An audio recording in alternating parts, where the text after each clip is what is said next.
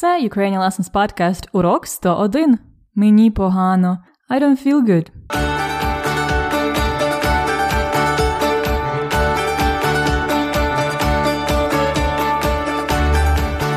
Добрий день!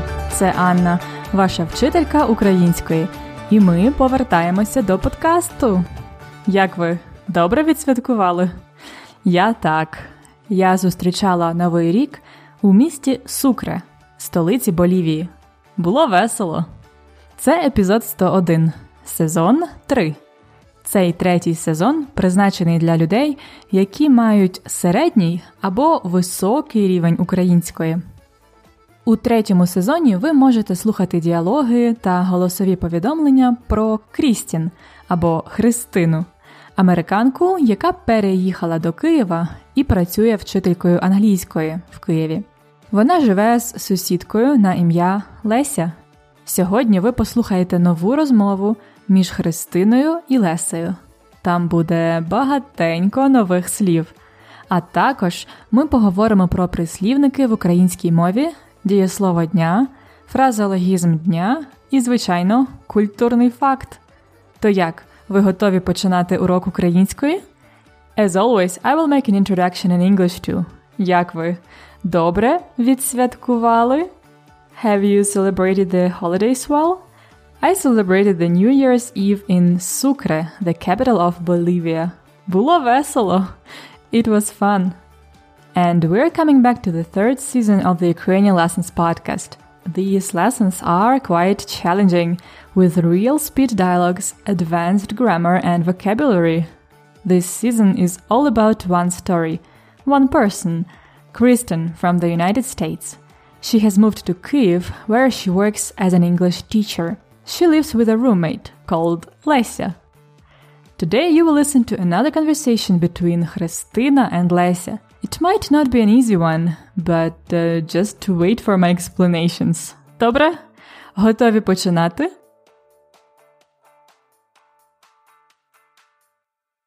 Сьогодні ми будемо говорити на не дуже приємну тему. Будемо говорити про хвороби. Хвороба це illness, sickness, хвороба. Also disease, хвороба. Дієслово хворіти, to be sick, хворіти або захворіти, to get sick, захворіти. Здається, хтось з дівчат захворів. Коли ми хворіємо, зазвичай у нас щось болить. Болить голова, болить горло, болить серце чи болять ноги. Боліти to hurt, to ache, боліти. Українською мовою ми кажемо у мене болить. Плюс що у вас болить? Наприклад, у мене болить голова. My head hurts. I have a headache. У мене болить голова. У мене болить горло. Горло a throat. У мене болить горло. У мене болить серце. Heart. У мене болить серце. Також, якщо у вас болить голова чи горло, у вас може бути температура. Українською ми кажемо просто у мене температура. І це означає у мене висока температура. I have a high temperature, we just say у мене температура. Також, коли ви хворієте, вам може бути погано. Мені погано означає I feel bad. Мені погано. Мені плюс прислівник. Мені погано. Або мені вже краще. I feel better already. Мені вже краще. І ще один типовий симптом це коли вас нудить. Мене нудить. I feel sick, I feel nauseous. Мене нудить. Ось такі кілька симптомів хвороб. А зараз будемо слухати діалог між Христиною і Лесею і дізнаємось, хто ж захворів, кому погано. Цей діалог трохи великий і швидкий. Але не хвилюйтесь, ми поговоримо більше про нього, і я поясню вам нові слова. Слухайте розмову і дізнайтеся, хто з дівчат захворів, і які у неї симптоми, хто захворів, і які у неї симптоми. Слухайте. Привіт, Христино, ти в порядку? У тебе дуже втомлений вигляд. Ой, привіт. Та ні, не в порядку. Мені погано. Ой, здається, я захворіла. Ой-ой, а що в тебе болить? У мене болить голова, трохи нудить. Ой, а ще мені дуже холодно. О, то я тобі дам мою ковдру, вона дуже тепла. Та ні, не потрібно. Тобі ж теж потрібна ковдра. Та я під нею не сплю, під нею занадто гаряче. Добре. м По-моєму, у тебе температура. Ану, дай спробую. Лоб гарячий. Я принесу тобі термометр, поміряєш температуру. Гаразд. Що тобі ще принести? Таблетки? У тебе є якісь таблетки? Отак, таблеток у мене багато. Мама дала мені з собою велику аптечку з американськими ліками. Добре, тоді я зроблю тобі чай. Тобі треба пити багато рідини. Будеш калиновий чай? Чи обліпиховий? Калиновий? Обліпиховий? Я не знаю таких слів. Що це таке? Добре, то я зроблю тобі обидва. Спробуєш. Чорний чай з калиною це такі червоні ягоди, медом і лимоном. І обліпиховий чай з апельсином і медом. Мм, Обліпиха це такі помаранчеві кислі ягоди. ого, звучить смачно. Але ти не хвилюйся так за мене, Лесю. Та ну що ти таке кажеш? Ти ж захворіла. А якщо завтра не стане краще, то підеш до лікаря. Ой, я не люблю лікарів. А хто їх любить? Тобі варто взяти лікарняний чи для початку відпроситися з роботи. Завтра вранці зателефонуєш своєму директору і відпросишся. Тоді ось термометр, поклади його під руку ось так. Ось ковдра, закутайся добре. А, в нас закінчилися лимони. Думаю, швиденько збігаю в магазин і повернуся робити тобі чай. А ти лежи і пиши мені, якщо щось ще буде потрібно купити. Добре. Дякую тобі, Леся, за турботу. Ти просто супер. Одужий. То хто з дівчат захворів? Захворіла Христина. Які у неї симптоми? Скажіть. Які у неї симптоми? По-перше, у неї дуже втомлений вигляд. She has a tired look. Втомлений вигляд. She looks tired. У неї дуже втомлений вигляд. Вона не в порядку. She is not in order. She is not okay. Вона не в порядку. У неї болить голова, трохи нудить, а ще їй дуже холодно. Їй холодно. She's cold. Здається, у Христини температура, тому що у неї гарячий лоб. Лоб, a forehead, лоб. Її лоб гарячий. Леся принесла Христині термометр, щоб вона поміряла температуру. Міряти температуру to measure temperature. Міряти, поміряти температуру. Також Леся дала Христині теплу ковдру.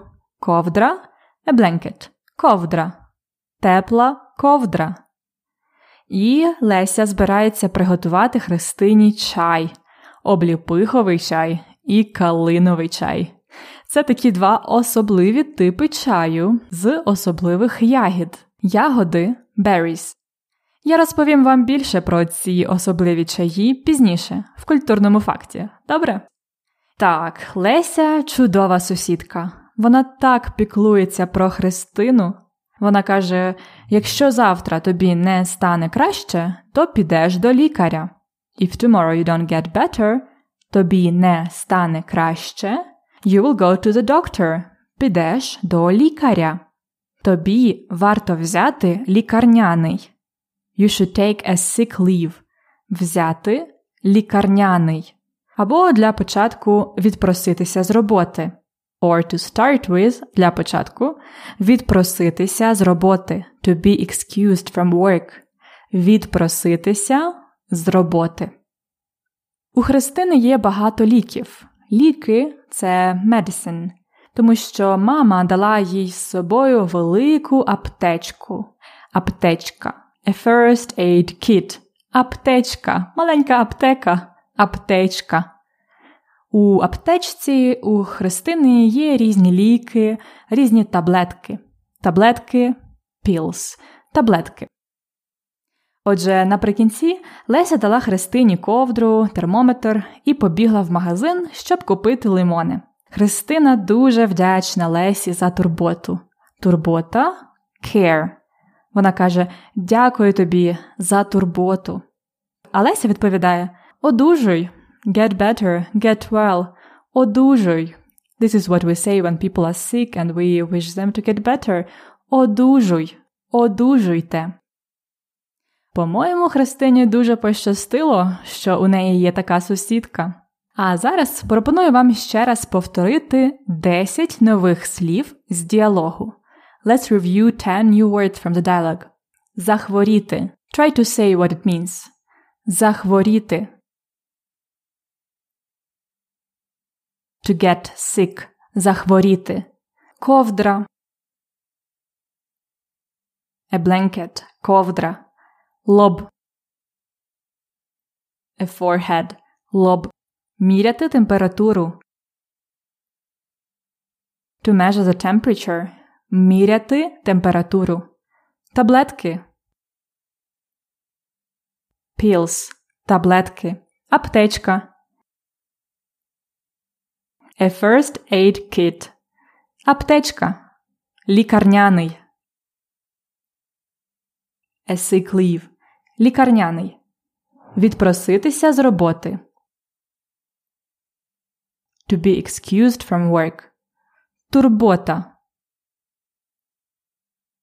Care. Турбота. І одужувати. To get better, to get well. Одужувати. Добре, а зараз послухайте діалог ще раз. Чи буде вам тепер зрозуміло краще? Привіт, Христино, ти в порядку? У тебе дуже втомлений вигляд. Ой, привіт. Та ні, не в порядку. Мені погано. Ой, здається, я захворіла. Ой-ой, а що в тебе болить? У мене болить голова, трохи нудить. Ой, а ще мені дуже холодно. О, то я тобі дам мою ковдру, вона дуже тепла. Та ні, не потрібно. Тобі ж теж потрібна ковдра. Та я під нею не сплю, під нею занадто гаряче. Добре. м по-моєму, у тебе температура. Ану, дай спробую. Лоб гарячий. Я принесу тобі термометр, поміряш температуру. Гаразд. Що тобі ще принести? Таблетки? У тебе є якісь таблетки? Отак, таблеток у мене багато. Мама дала мені з собою велику аптечку з американськими ліками. Добре, тоді я зроблю тобі чай. Тобі треба пити багато рідини. Будеш калиновий чай? Чи обліпиховий? Калиновий? Обліпиховий? Я не знаю таких слів. Що це таке? Добре, то я зроблю тобі обидва. Спробуєш. Чорний чай з калиною це такі червоні ягоди, медом і лимоном. І обліпиховий чай з апельсином і медом. Мм, Обліпиха це такі помаранчеві кислі ягоди. ого, звучить смачно. Але ти не хвилюйся так за мене, Лесю. Та ну що ти таке кажеш? Ти ж захворіла. А якщо завтра не стане краще, то підеш до лікаря. Ой, я не люблю лікарів. А хто їх любить? Тобі варто взяти лікарняний чи для початку відпроситися з роботи. Завтра вранці зателефонуєш своєму директору і відпросишся. Тоді ось термометр, поклади його під руку ось так. Ось ковдра, закутайся добре. А, в нас закінчилися лимони. Думаю, швиденько збігаю в магазин і повернуся робити тобі чай. А ти лежи і пиши мені, якщо щось ще буде потрібно купити. Добре. Дякую тобі, Леся, за турботу. Ти просто супер. Одужуй! So, how was it? In this conversation, the girls talk quite fast, and there are many new words. You can listen to the dialogue again and again to get the full understanding of it. Also, you can find the full transcript and translation at the lesson notes. And now let's talk a bit about the grammar topic of today, which is Ukrainian adverbs, прислівники. Let's start from the general introduction in English. Прислівники, adverbs, modify or quantify adjectives, verbs, or other adjectives expressing the relation of place, time, circumstance, manner, cause, degree, and so on. For example, Христина says Мені погано. Мені холодно. Погано, холодно are adverbs. Let's have a look at what adverbs can express in Ukrainian. The most common meaning of adverbs is quality. For example, добре, погано, смачно. У цьому ресторані дуже смачно готують. Also, adverbs can mean quantity дуже, трохи, вдвічі, two times more, вдвічі. The other meaning is manner добре, по-нашому, тихо. Він говорив тихо. So this is a manner of action. Як він говорив? Тихо. Also, adverbs can be of time вдень, вчора, зараз, of place внизу, праворуч, всюди, everywhere. Reason, for example, згарячу. It means rashly, in anger, in the heart of passion. Згарячу. Він сказав це, не подумавши. Згарячу. There are also adverbs of goal. Навмисно or ненавмисно. Навмисно means on purpose, intentionally. Ненавмисно unintentionally. Вибач, я ненавмисно. I didn't mean to. Я ненавмисно. There are also adverbs of feeling.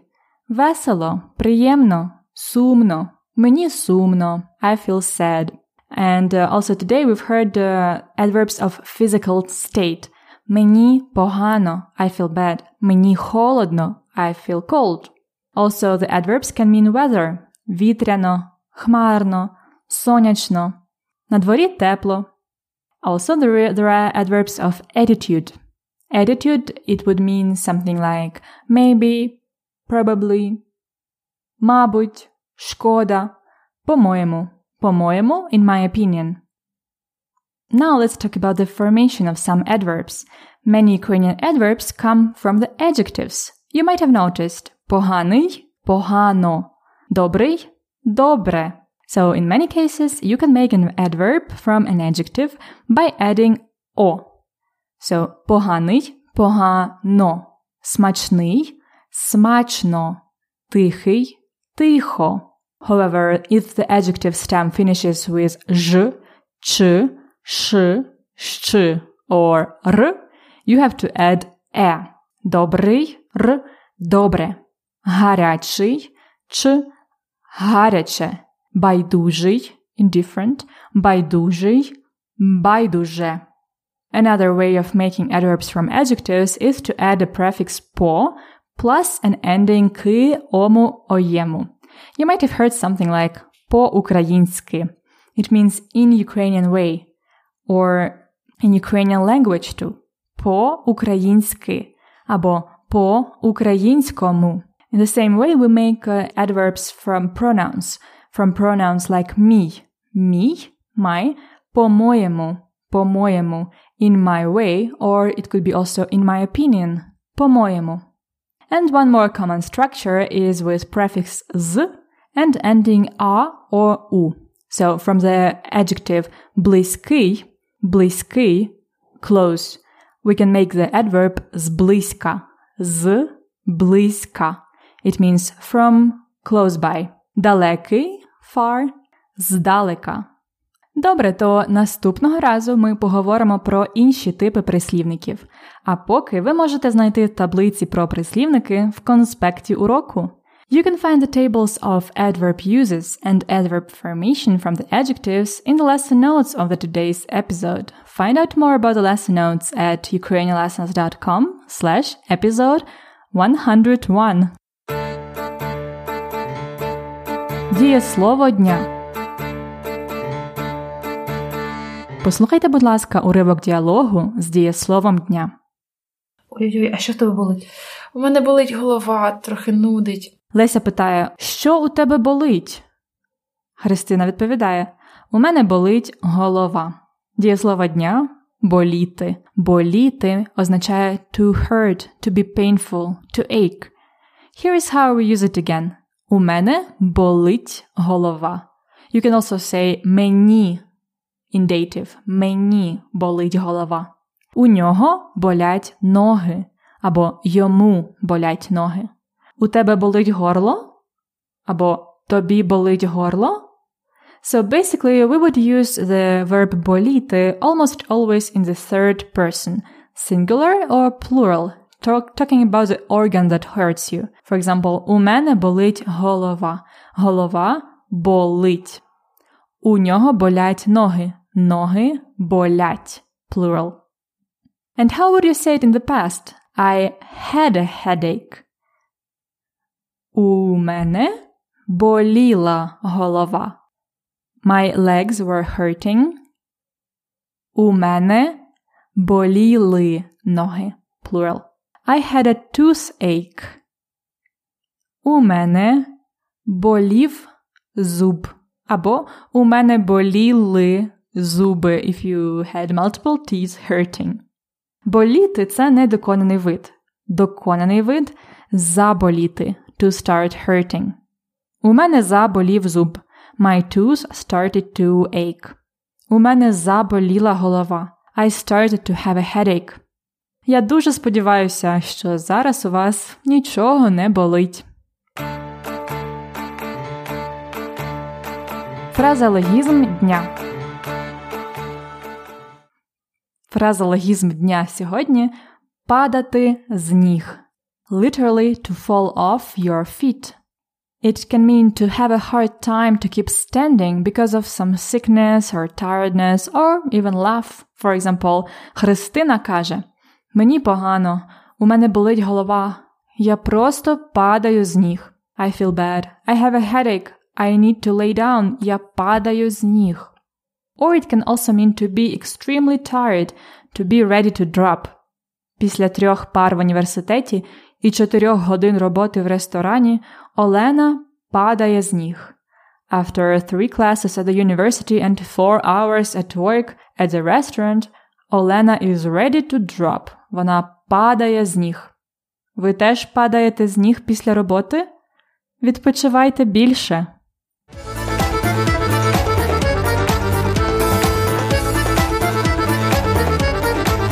Культурний факт на подкасті.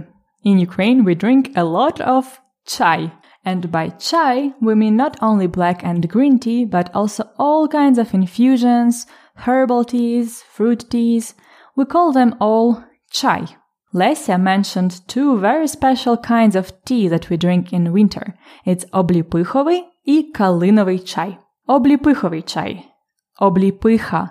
Це англійською sea buckthorn. it's an orange sour berry that is full of vitamin C. You can find it in the Kyiv's coffee shops in winter, served with plenty of honey, spices, and pieces of oranges. Kalinovый chai, made of kalina. Kalina is Gelder rose. It's a tree and its red fruits that uh, go together in pretty bunches. Galder rose, or kalina, is very important in the Ukrainian culture and it's one of our national symbols. Some Ukrainians add Galder rose to their black tea with lemon. It's a very tasty and powerful drink. When Ukrainians catch a cold in winter, they drink even more tea. The thing is, we believe that we can treat ourselves only by drinking a lot of liquids. When I was a kid and I was sick, my mom was always preparing plenty of malinowy chai. You might know malina, it's raspberry, malina. My mom was making malinowy chai from both branches of raspberry bush and raspberry jam. Mmm, smakota. And of course, any time of the year we drink traviani chai, herbal infusions from miyata, mint, melissa, lemon balm, romashka, chamomile, lipa, linden. It's also good for cold, lipovий chai. And many others трав'яні чаї.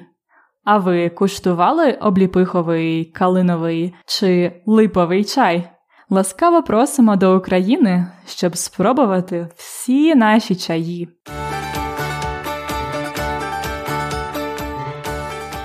І на цьому закінчується 101 епізод подкасту Ukrainian Lessons.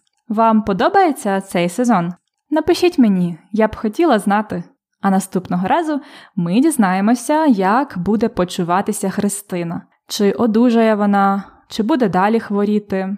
Don't forget to check out the lesson notes for the dialogue transcript, adverbs tables, long vocabulary, vocabulary list, and four great exercises for your practice. If you haven't already, become a premium member to receive the lesson notes weekly. Find out more at ukrainianlessons.com slash episode 101. ukrainianlessons.com slash episode 101. До наступного уроку! Не хворійте! Па-па!